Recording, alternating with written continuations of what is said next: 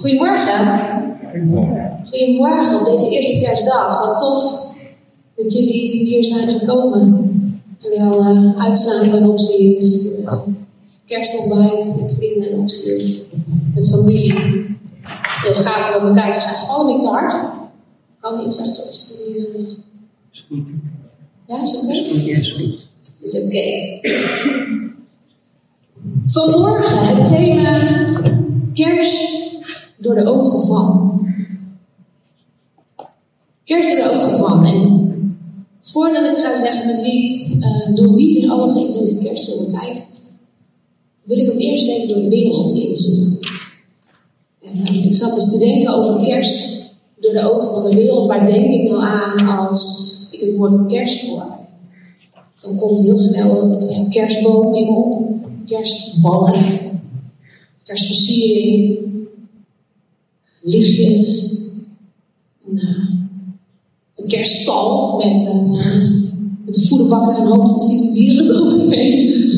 En uh, waar dacht ik nog meer aan? Ik dacht aan romantische kerstliedjes.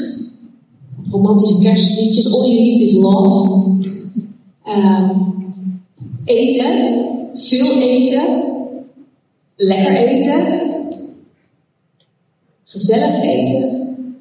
En daarbij komt dan boodschappenstress, kookstress, al dat soort dingen. Maar ook uh, gezelligheid natuurlijk. Uh, tijd met familie.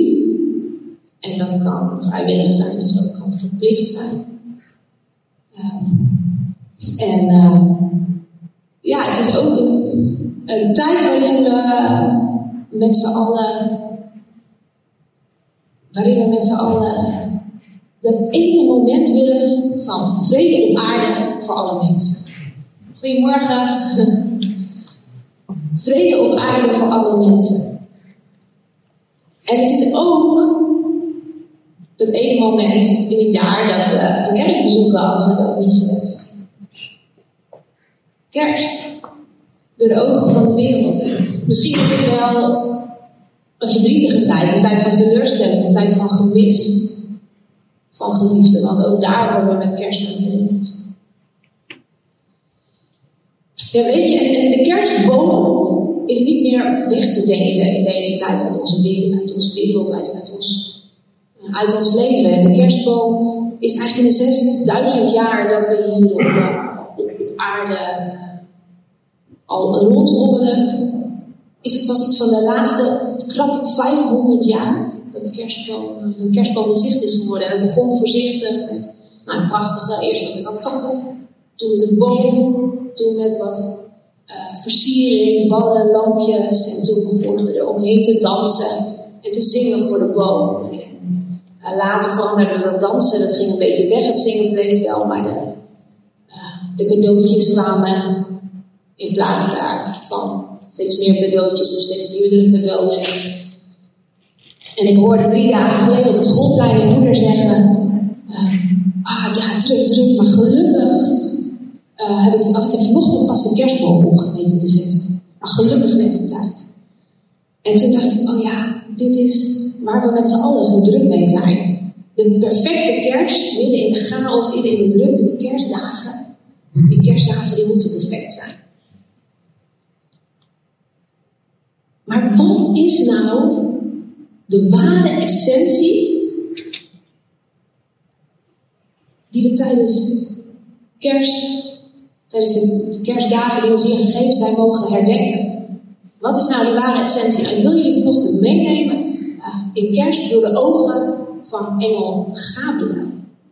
Dat is misschien een manier waarop, uh, ja, waarop je niet echt gewend bent om naar kerst te kijken. En dat maakte het voor mij extra bijzonder. Dat ik dacht, Laten we het kerstverhaal eens een twist geven. En laten we eens kijken door de ogen van de engel Gabriel.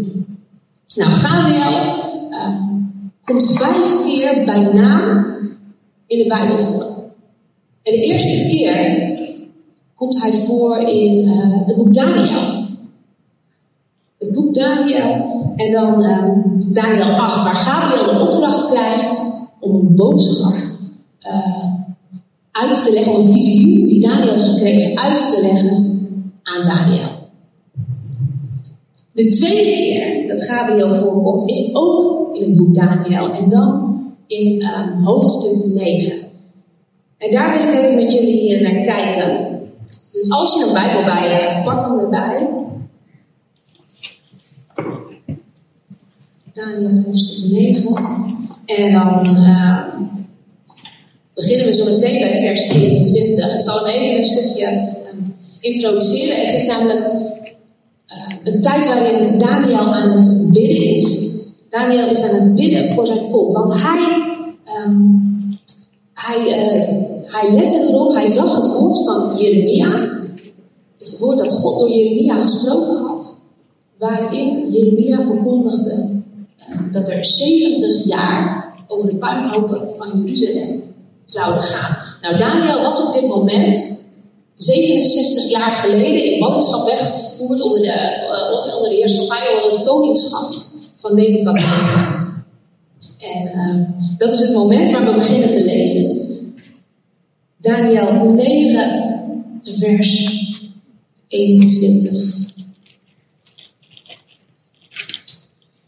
En terwijl ik nog sprak in het gebed, want Daniel bad dus op dat moment voor zijn volk, voor die bevrijding, want hij wist, de tijd is nabijgekomen, die 70 jaar die geprofiteerd zijn, zijn bijna voorbij. We zitten op 67 jaar. Dus hij ging bij God pleiten, schuld beleiden voor zichzelf, schuld beleiden voor zijn volk. God vragen om vergeving en God vragen of hij zich aan zijn belofte wilde houden. Om die 70 jaar om dat vrij te zetten. Dus terwijl ik nog sprak in het gebed, kwam de man Gabriel, die ik tevoren gezien had, in het gezicht, in ijlende vlucht, tot vlakbij mij, op de tijd van het avondoffer. En hij begon mij te onderrichten en sprak met mij en zei, Daniel, nu ben ik uitgegaan om u een klaar inzicht te geven. Bij het begin van uw smeekbeden is er een woord uitgegaan. Dat is trouwens ook mooi, hè? Dus God zegt, bij het begin van uw smeekbeden is er een woord uitgegaan. Dus het is niet als wij amen zeggen in de verwachting dat God dan ons gebed verhoort. Maar zodra we aan Jezus voeten komen en onze smeekbeden beginnen, daar gaat er een woord uit. En ik ben gekomen, zegt Gabriel, om het u mede te delen. Want gij zijt zeer bemind. Let dus op het woord en sla acht op het gezicht 70 weken zijn bepaald over uw volk en uw heilige stad, om de overtreding te voleindigen, om de zonde af te sluiten, de ongerechtigheid te verzoenen. En om een eeuwige gerechtigheid te brengen, gezicht en profeten te bezegelen. En iets allerheiligst te zalven.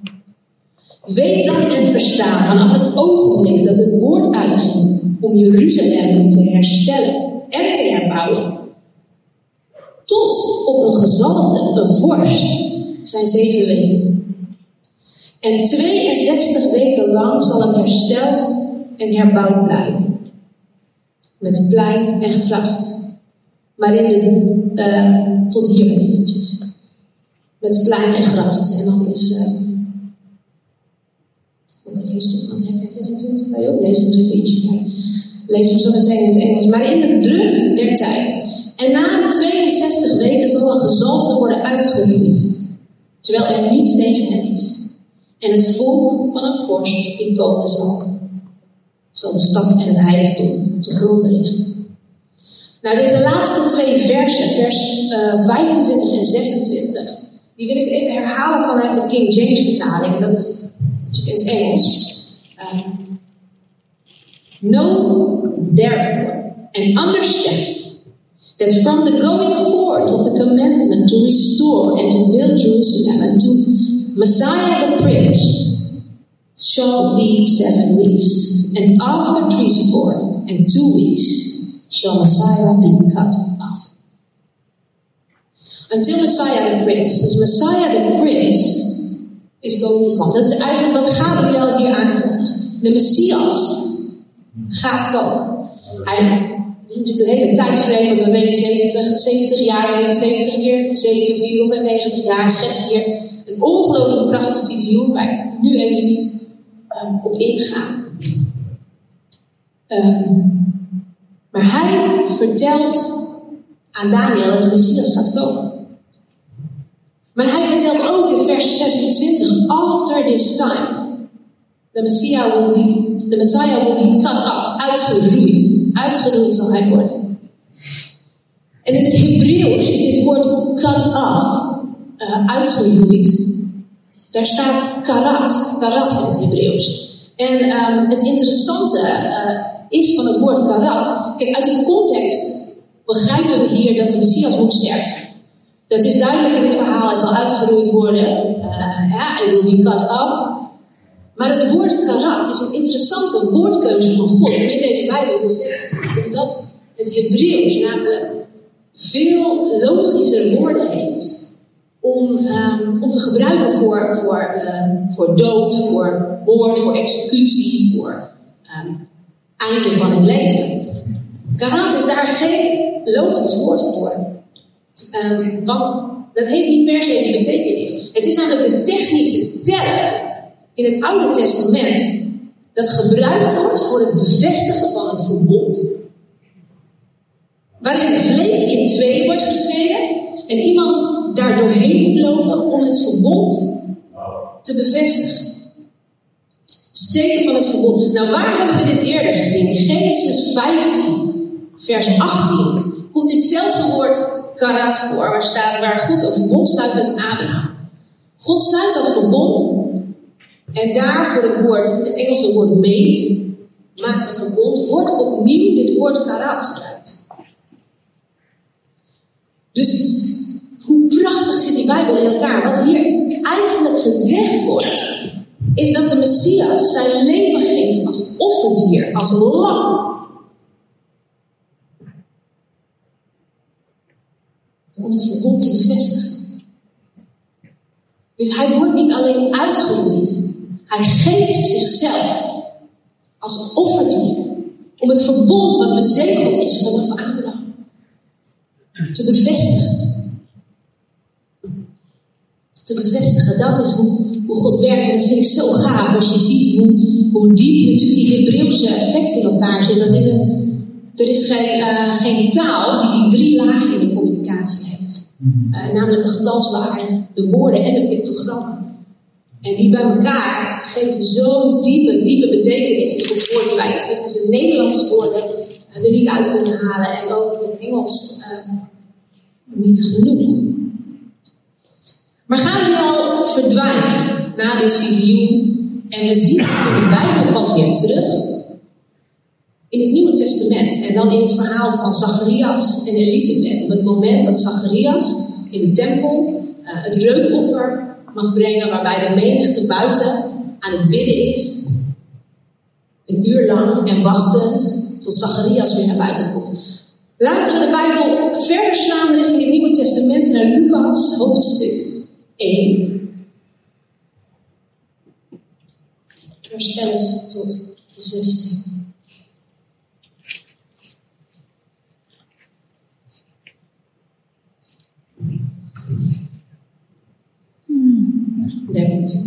En hem verscheen een engel des Heren, staande ter rechterzijde van het reukofferaltaar.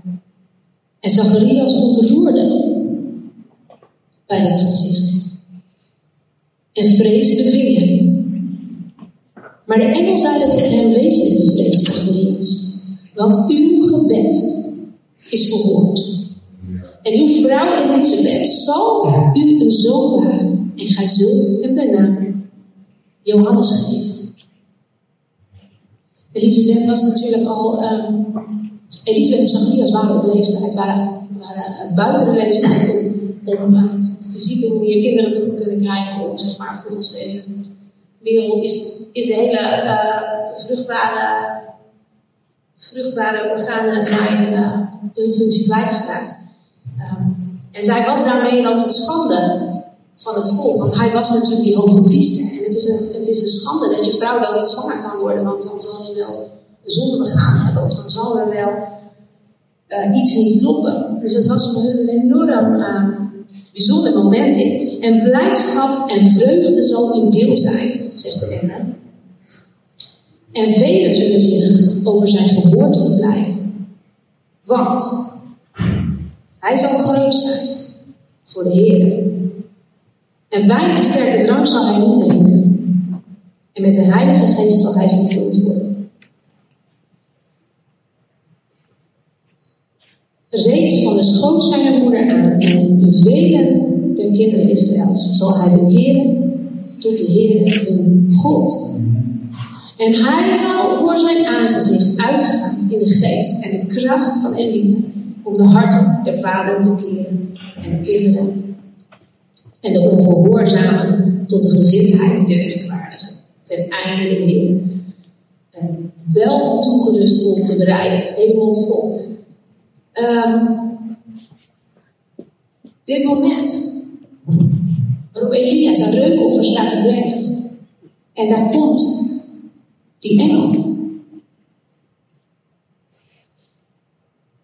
En dan lezen we verder in vers 18 tot 20. En Zacharias zei tot de engel: Waarom zal ik dit weten? Want ik ben een oude man en mijn vrouw is op hoge leeftijd gekomen. Snap je, kun je het je voorstellen? Een engel verschijnt daar. Uw gebed is verhoord. Jouw vrouw zal een kind baren en je zult hem Johannes noemen. En Zacharias wordt wel vervuld met vreugde, maar kijkt. Zet misschien zijn handen in zijn zaai en zegt: Oké, hoe zal ik dat weten? Mag ik een teken? Dat is altijd gevaarlijk als we een teken vragen. Waaraan zal ik dit weten, zegt Zachariah, want ik ben een oude man en mijn vrouw is op hoge leeftijd gekomen. En de engel antwoordde en zei tot hem, en dit is voor het eerst dat de engel zijn naam noemt, bij Zacharias, ik ben Gabriel, die voor Gods aangezicht staat. En ik ben uitgezonden om tot u te spreken. En u deze blijmaren te verkondigen. Hij zegt, ik ben Gabriel. Nou moet het op dat moment door Zacharias, die de schriften kende. Hij was hoge priester in de tempel. Hij kende de schriften van God. Hij moet op die moment een schrik hebben gevoeld. Gabriel. Dat is de engel die tot twee keer toe aan Daniel is verschenen. Dat is de twee keer toen is hij in de schrift voorgekomen bij naam. Hij moet op dat moment een uh -oh, hebben gedacht: dit is niet zomaar een engel, dit is hoog bezoek. En zie, zegt Gabriel, je krijgt je teken. Gij zult zwijgen en niet kunnen spreken tot de dag toe dat deze dingen geschieden. Omdat gij mijn woorden niet geloofd hebt, die op hun tijd in vervulling zullen gaan. En dan staat er in de Bijbel, het stond te wachten in volle verwachting. Waarom duurt het zo lang? Waarom duurt het zo lang voordat Zacharias naar buiten komt? En je kunt je voorstellen, die heeft daar zijn beleving gehad. Die heeft daar eerst een engel gezien. Wow, een engel, een engel. Hij verkondigt mij wat. Nou ja, geef me even een teken, hoe zal dat weten? Ik ben Gabriel. Gabriel. Dat is een grote engel van God. Die verkondigt alleen hele belangrijke dingen. En nu tot zwijgen. En hij komt naar buiten en de menigte zegt: En, en? Kun je je voorstellen? Zwijgen. Hij kon niks meer zeggen. En natuurlijk snapt de menigte dat daar iets gebeurd is. Maar hij kan het niet vertellen. En het beloofde kind wat hier geboren is, is Johannes de Doper. Johannes de Doper die geroepen was om de weg vrij te maken. Voor Jezus, voor de koning die komen zal.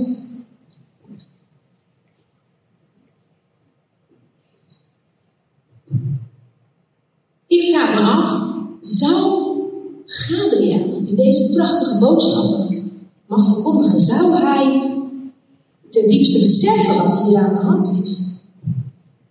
Hij krijgt van God de boodschappen. Hij weet wat hij Daniel heeft mogen verkondigen. Hij weet dat Messias komt. Hij weet Johannes de Doper. En hij weet iets verder, wanneer hij richting Maria wordt gezonden. Maar snapt hij wat hier gaat gebeuren? Wat God hem vertelt? Of is hij alleen maar de boodschapper die het door mag geven? Laten we kijken naar uh, Lucas 1, vers 26. En dat is de laatste keer dat Gabriel genoemd wordt bij naam in de Bijbel. Er wordt vaak over engelen gesproken, ik weet niet of daar Gabriel. Maar de laatste keer dat hij duidelijk bij naam wordt benoemd is in Lucas 1, vers 26. Wanneer hij bij Maria komt. Hoofdstuk 1, vers 26. In de zesde maand nu werd de engel Gabriel van God gezonden naar een stad in Galilea, genaamd Nazareth, tot een maagd die ondertrouwd was met een man genaamd Jozef uit het huis van David. En de naam der maagd was Maria.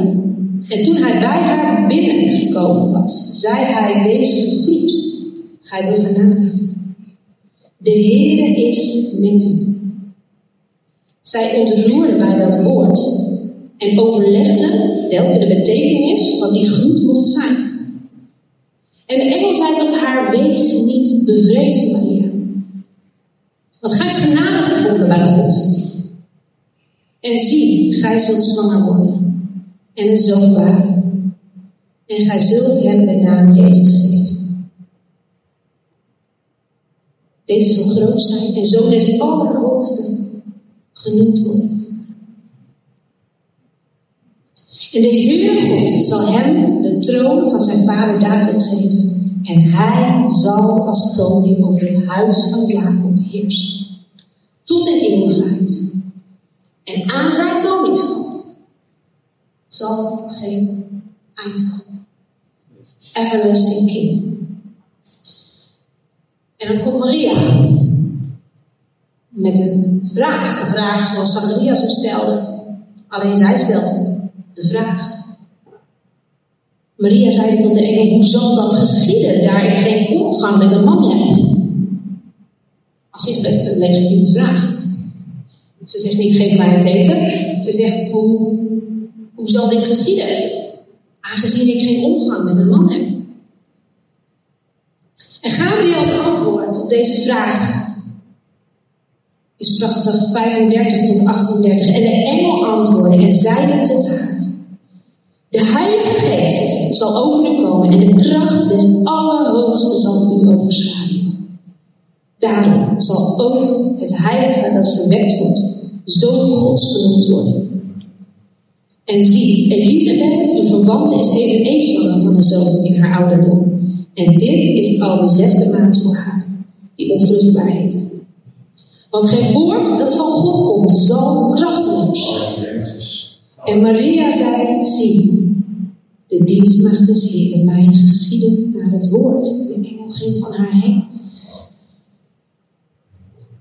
Maria's vraag, hoe zal dit geschieden? En de Heilige Geest of de, de Gabriel zegt, de kracht van de Heilige Geest zal u overschaduwen. Zal u overschaduwen. En ik geloof meteen dat dit het antwoord is op elke uitdaging, elk probleem, elke moeilijkheid wat we hebben. De kracht van de Heilige Geest komt ons altijd tegemoet. De kracht van de Heilige Geest komt ons altijd tegemoet. Maar nu dit ding. Stel je voor, deze dag in de hemel. Deze dag in de hemel, waarin Gabriel met de boodschap naar Maria wordt gestuurd. Wanneer Gabriel Maria gaat verkondigen, dit gaat gebeuren. Maar hoe dan? Je zal zo'n paar de Allerhoogste. Hoe dan? De kracht van de Heilige Geest zal u overslaan. En dan kun je je voorstellen dat, dat ik stel me dan zo voor in mijn verbeelding, dat God de Vader en Jezus op hun troon met elkaar zitten te overleggen, een beetje voorover gebogen en een beetje te smoezen. En de engelen zijn een beetje van, wat, wat, wat gebeurt er? Weet je wel, er is iets anders. Wat is er aan de hand? Wat is er aan de hand? Het, het voelt niet. Het voelt spannend, het voelt niet goed, het voelt niet in die vrede. En dan komt het moment dat Jezus opstaat van zijn troon zijn koninklijke mantel aflegt. Er een lange gang in loopt naar die grote deuren. En dan komt het woord van Maria. En Maria zegt: De dienstmaagd des Heren, mij geschieden naar uw woord. En op dat moment verdwijnt Jezus uit de hemel. Overschaduwd door de kracht van de Heilige Geest in de baarmoeder van Maria. Ongelooflijk, kun je je voorstellen? Zou Gabriel ten diepste hebben, hebben bedacht dat dit er aan de hand was, dat dit een boodschap was van wat hij zou zeggen? En heb je ook ontdekt Gabriel met zijn informatie van de afgelopen drie boodschappen één ding niet heeft verteld aan Maria. En dat is dat gedeelte dat de Messiah will be cut off. Ik bedoel, Maria die moet hebben gedacht, wow, de zoon van de Allerhoogste en, en wow, wow, wow, wow, wow, wow. Maar Gabriel, één ding, zei hij niet. De Messiah will be. Uitgeroeid zal die worden. Gabriel zei wat God hem gebood te zeggen. God heeft hem verteld. Dit mag jij zeggen. Hem is niet opgedragen om het gedeelte te vertellen dat Jezus uitgegroeid zou worden aan Maria. En natuurlijk kennen ze schriften, maar weet je, heb je vaker beleefd dat God je iets zegt, dat God je een opdracht geeft, dat je iets mag doen, maar dat God je het midden niet verkondigt. En dat is zo prachtig en zo slim van God. Want als die alle dingen voor ons uit zouden rollen, wie zou er dan nog zeggen: Heer, ik ga ervoor? Als Maria exact had geweten, natuurlijk kende ze de schriften en natuurlijk weet ze, wist ze wat er stond geschreven. Maar ik geloof niet dat zij ten diepste beseft wat dit voor haar als moederhart zou gaan betekenen. Je kind die daar. Nou ja, het was natuurlijk al een interessante wandel. Maar die op zo'n manier moet verliezen. Maar zij zei, Heer is dienst en laat mij geschieden. Wauw, die dag in de hemel. Prachtig. Weet je, het kan niet anders dan dat in Gabriels gedachten de, de geboorte van Jezus en de dood van Jezus onlosmakelijk met elkaar verbonden zijn. Los van het feit dat hij ten diepste de essentie van die boodschap heeft begrepen. Wat er in de hemel zou gebeuren op het moment dat Gabriel die boodschap aan Maria zou verkondigen. Bijzonder intens moment. Filippenzen 2, vers 5 tot 6 leert ons. Nou, laat die gezindheid bij u zijn, welke ook in Christus Jezus was, die in de gestalte God zijn, het goden niet als een roof, het goden gelijk niet als een roof geacht heeft. Met andere woorden, het feit dat hij zijn koninklijke mantel aflegt. Het feit dat hij zijn mantel neerlegt en zei, ik ga dit doen. Hij heeft het niet als roof geacht. In alle nederigheid is hij gegaan, in volle overgave. Heeft hij zichzelf gegeven. De Heer Jezus was bereid om alles, alles wat hij had los te laten.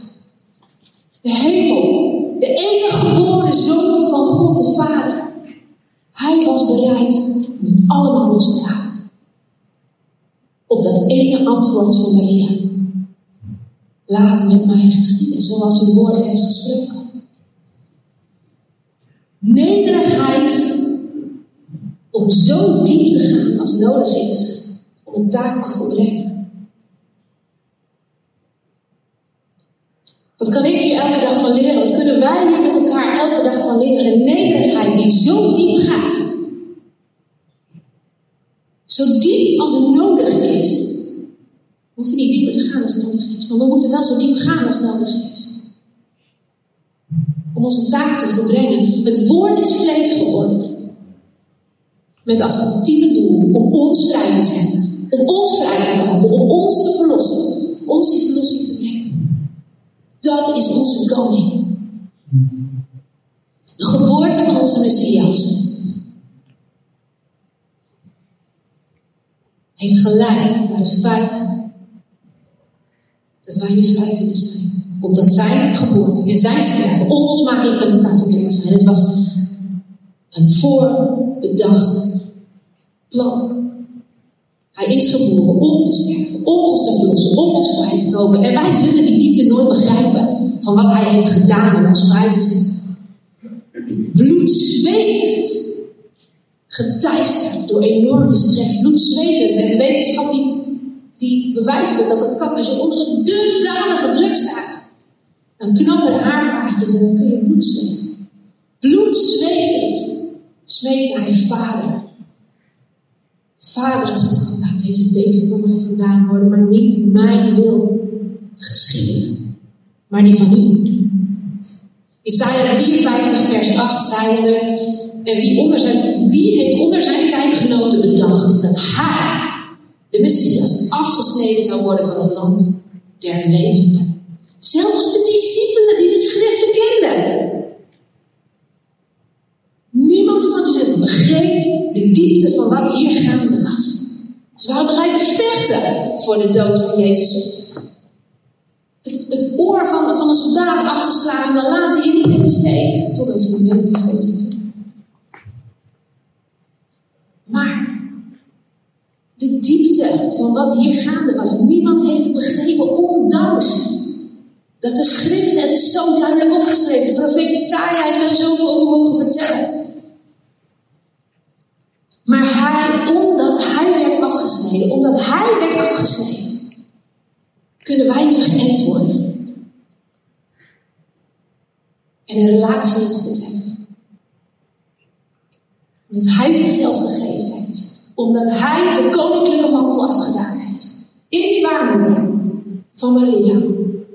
Als kwetsbaar foetusje opgegroeid is tot baby, tot kind. Alles doorlopen heeft. De wedloop des levens Waar u ik elke dag voor staan. Waar we elke dag met elkaar voor staan. Hij heeft het doorlopen. En hij is trouw geweest. Trouw geweest. Tot het einde. Trouw geweest. Tot aan de dood. En we gaan uh, richting een afronding. Ik wil uh, Jesaja 9 vers 5 even met elkaar lezen. Want hij wordt op mijn kerst. Een kind is ons geboren, een zoon is ons gegeven, de heerschappij. Is ons. En deze naam zal hij dragen. Wonderbaar. Raadsel. Sterke God. Eeuwige Vader. Vredevorst. De heerschappij lag op zijn schouders. En hij heeft niet gefaald. Hij heeft de wedloop gelopen. Hij was bereid om alles los te laten. En in die diepte lag de overwinning. En is hij uitermate verhoogd. De goddelijke uitwisseling. De goddelijke uitwisseling maakt ons deelgenoten van zijn heerlijkheid. Hij gaf zijn leven, hij verlaagde zich, hij vernederde zich. Tot een baby. En van een baby naar de kruisdood. De kruisdood, waarvan staat geschreven. Het is niet zomaar een dood, maar van de kruisdood staat geschreven dat het een vloek is voor God. We gaan allemaal een keer dood als mens. Maar aan het kruis is een vloek tot God. En Jezus is in zijn nederigheid. Heeft zichzelf tot vloek gemaakt om in die diepte te duiken. En om vervolgens uitermate verhoogd te worden. En niet voor zijn eigen roem, voor zijn eigen eer, om ons met hem mee te nemen in de heerlijkheid, met hem te verhogen. En het enige wat we daarvoor hoeven te doen, is ons hart aan hem te geven. En zijn offer te aanvaarden. Zegt Jezus, dank u wel. Dank u wel dat u voor mij gekomen bent, geboren bent, dat u voor mij de wedloop gelopen heeft, dat u voor mij gestorven bent. Vader, dat u uw enige geboren zoon gegeven heeft. Dat ieder die in hem gelooft niet meer verloren hoeft te gaan, maar eeuwig leven heeft. Dat is wat Hij voor ons heeft gedaan. Dat is wat Hij voor ons mogelijk maakt. En dat is wat Hij voor ons terugvraagt. En Hij zegt, als je gered bent door mij, als je dan vrijgekocht bent door mijn bloed, volg mij dan. Leer van mij. Neem mijn juk op. Mijn juk is zacht. Mijn last is licht. Leer van mij. Ik ben zachtmoedig en nederig van hart. Volg mij. Kom in mijn voetstappen. En dat doet ons af en toe een beetje pijn, want dat betekent dat we moeten sterven aan ons eigen ego. Ons eigen ego die elke nacht zo hard aangreept. Waarin we elke ochtend weer moeten zeggen: Oké, hier ben ik. Hier ben ik. U bent zachtmoedig en nederig van hart en ik wil u volgen. Ik wil op u lijden. Maar dat alles is geen maatstaf om met hem verheerlijk te worden, om met hem in die overwinning te komen. Want dat is de kracht van zijn bloed. Dat is de kracht van zijn lopen wat hij ons gegeven heeft. Met hem mogen we verhoogd worden. Maar laten we eerbied en ontzag voor hem. De vruchten van het leven dragen zoals ons gegeven is. Dat waar die vrede op aarde voor alle mensen. Vrede op aarde voor alle mensen. Weet je wat vrede is? Vrede zien we niet met onze ogen. Vrede zit van binnen. Peace is in ourselves. Weet je, als ik naar deze prachtige Oekraïnse mensen kijk, die iedere, iedere week in trouw komen, terwijl ze mondjesmaat de preek begrijpen. Geliefden om hen heen verliezen, hun land afgebroken zien worden. Vrede op aarde voor alle mensen.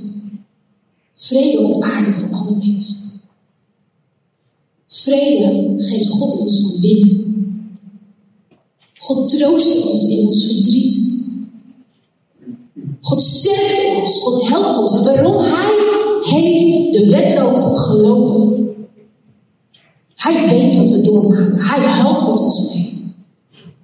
Hij voelt ons pijn. Hij kent ons verdriet. Het is geen traan die vloeit. Zonder dat hij hem ziet of voelt. Maar hij zegt, kom, volg mij, leer van mij.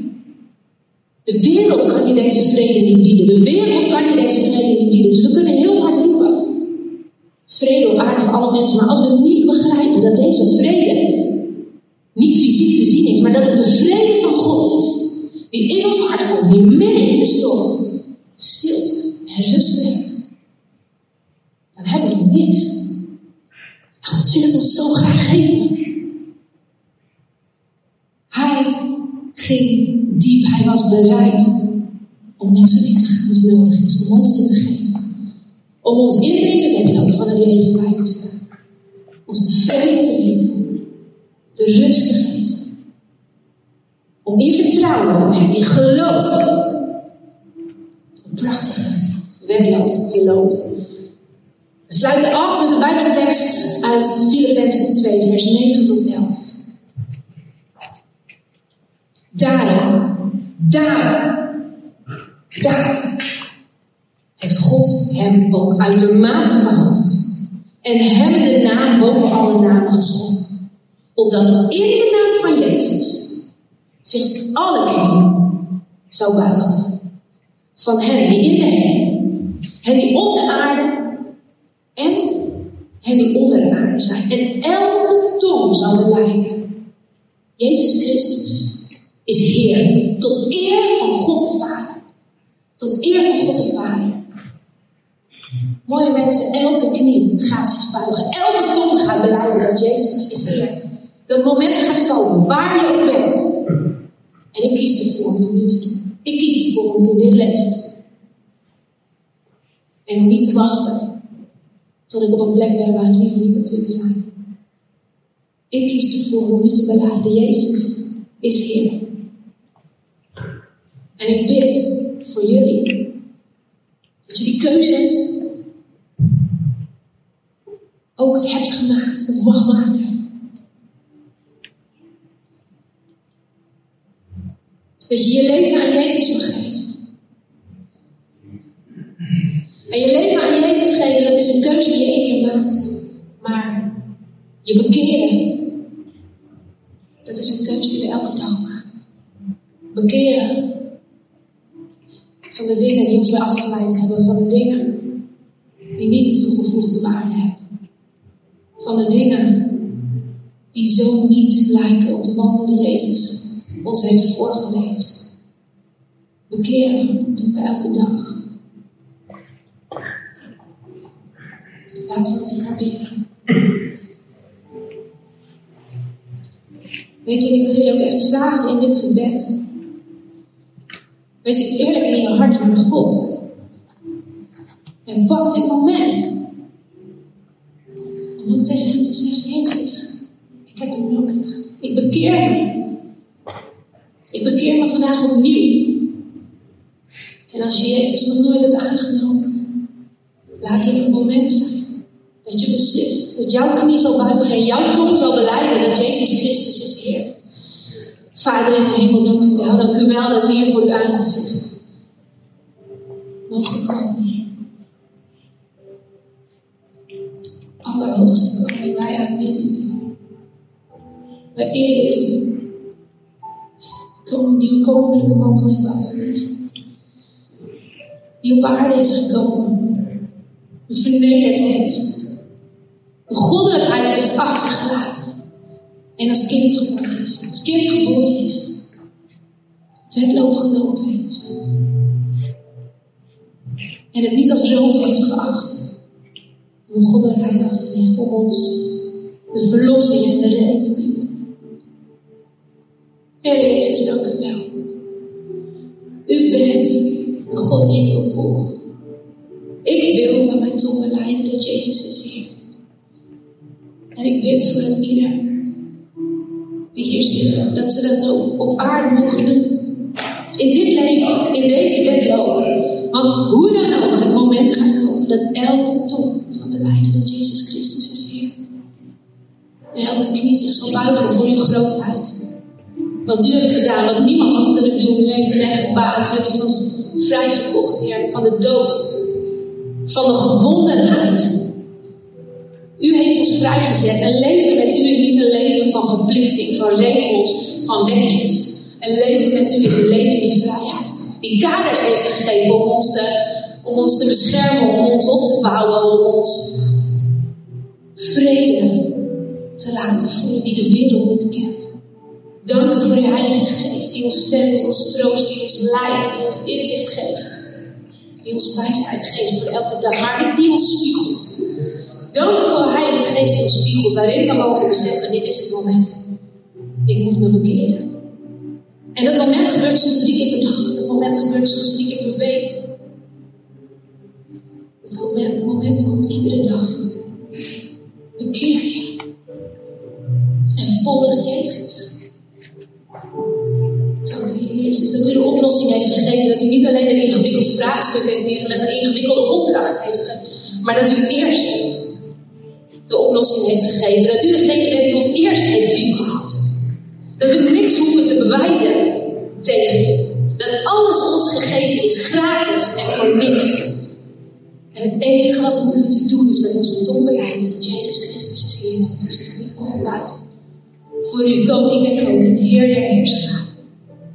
En dan met u een leven, een avontuur Vol verrassingen en ja, vol uitdagingen en moeilijkheden. Maar die zitten er in het gewone leven ook in. Maar u. Liever uitdagingen met u. Dan uitdagingen zonder u. Want u heeft de wijsheid. U heeft het inzicht. En door uw stuur kunnen wij zoveel veelvoudige vrucht dragen. Heer, dank u wel dat we mogen zien hoe God de Vader u heeft moeten loslaten. Zijn enige geboren zoon loslaten. Als kind geboren, als kind geboren op aarde. Een wedloop in het leven, gewoon bespuugd door mensen. Bespuugd door mensen die u allemaal in één keer het kunnen uitroeien. Maar Vader, u heeft ons laten zien hoe het is. U heeft ons voorgeleefd hoe het is om los te laten. Om los te laten. En om na het loslaten weer te mogen ontvangen. Ongelooflijk. Wij kunnen uw pijn niet begrijpen. Vader, dat heeft moeten toezien hoe uw enige geboren zoon tot vloek geworden is. Hoe u afgescheiden bent van hem. Kat af. Vader, vader, waarom heeft u mij verlaten, die Jezus aan het kruis? De connectie was weg. Want u bent de rechtvaardige God. En alle ziekte en alle zonde die Jezus op zich heeft genomen, bracht de scheiding tussen u en hem. Maar toen hij de dood heeft overwonnen, heeft u hem terug mogen ontvangen, heeft u hem uitermate verhoogd. En dank u wel. Vader, dat daar ook de lessen voor ons in zitten. In de mensen met wie we om mogen gaan, in de kinderen die we mogen krijgen, in de kinderen die we mogen grootbrengen. In vrienden, familie, geliefden. Dat alles wat we loslaten, dat geeft u weer terug.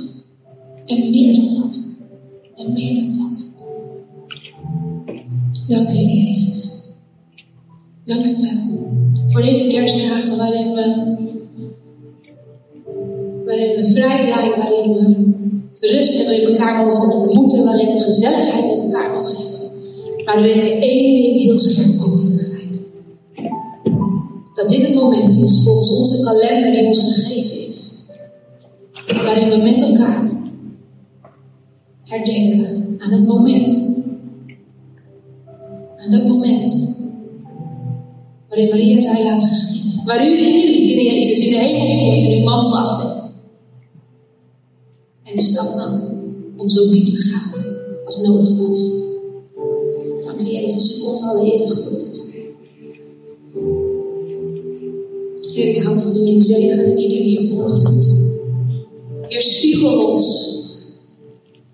Zet ons hart in vuur en vlam voor u, Heer Jezus. Want u bent de weg, de waarheid en het leven. Het leven is in u, het leven is door u en het leven is tot u. En pas dan kunnen we ten volle blij zijn, elkaar gelukkig maken in vrede. Kunnen we de moeilijkheden Heer, met u aan en staan we er niet alleen voor. Ik dank u wel. Dank u wel voor deze week die voor ons ligt. We hebben vele vakantie hebben zo goed te werken. Vader, schijn uw licht in ons. Zegt in Jezus' naam. Amen. Nog lied te goed hebben.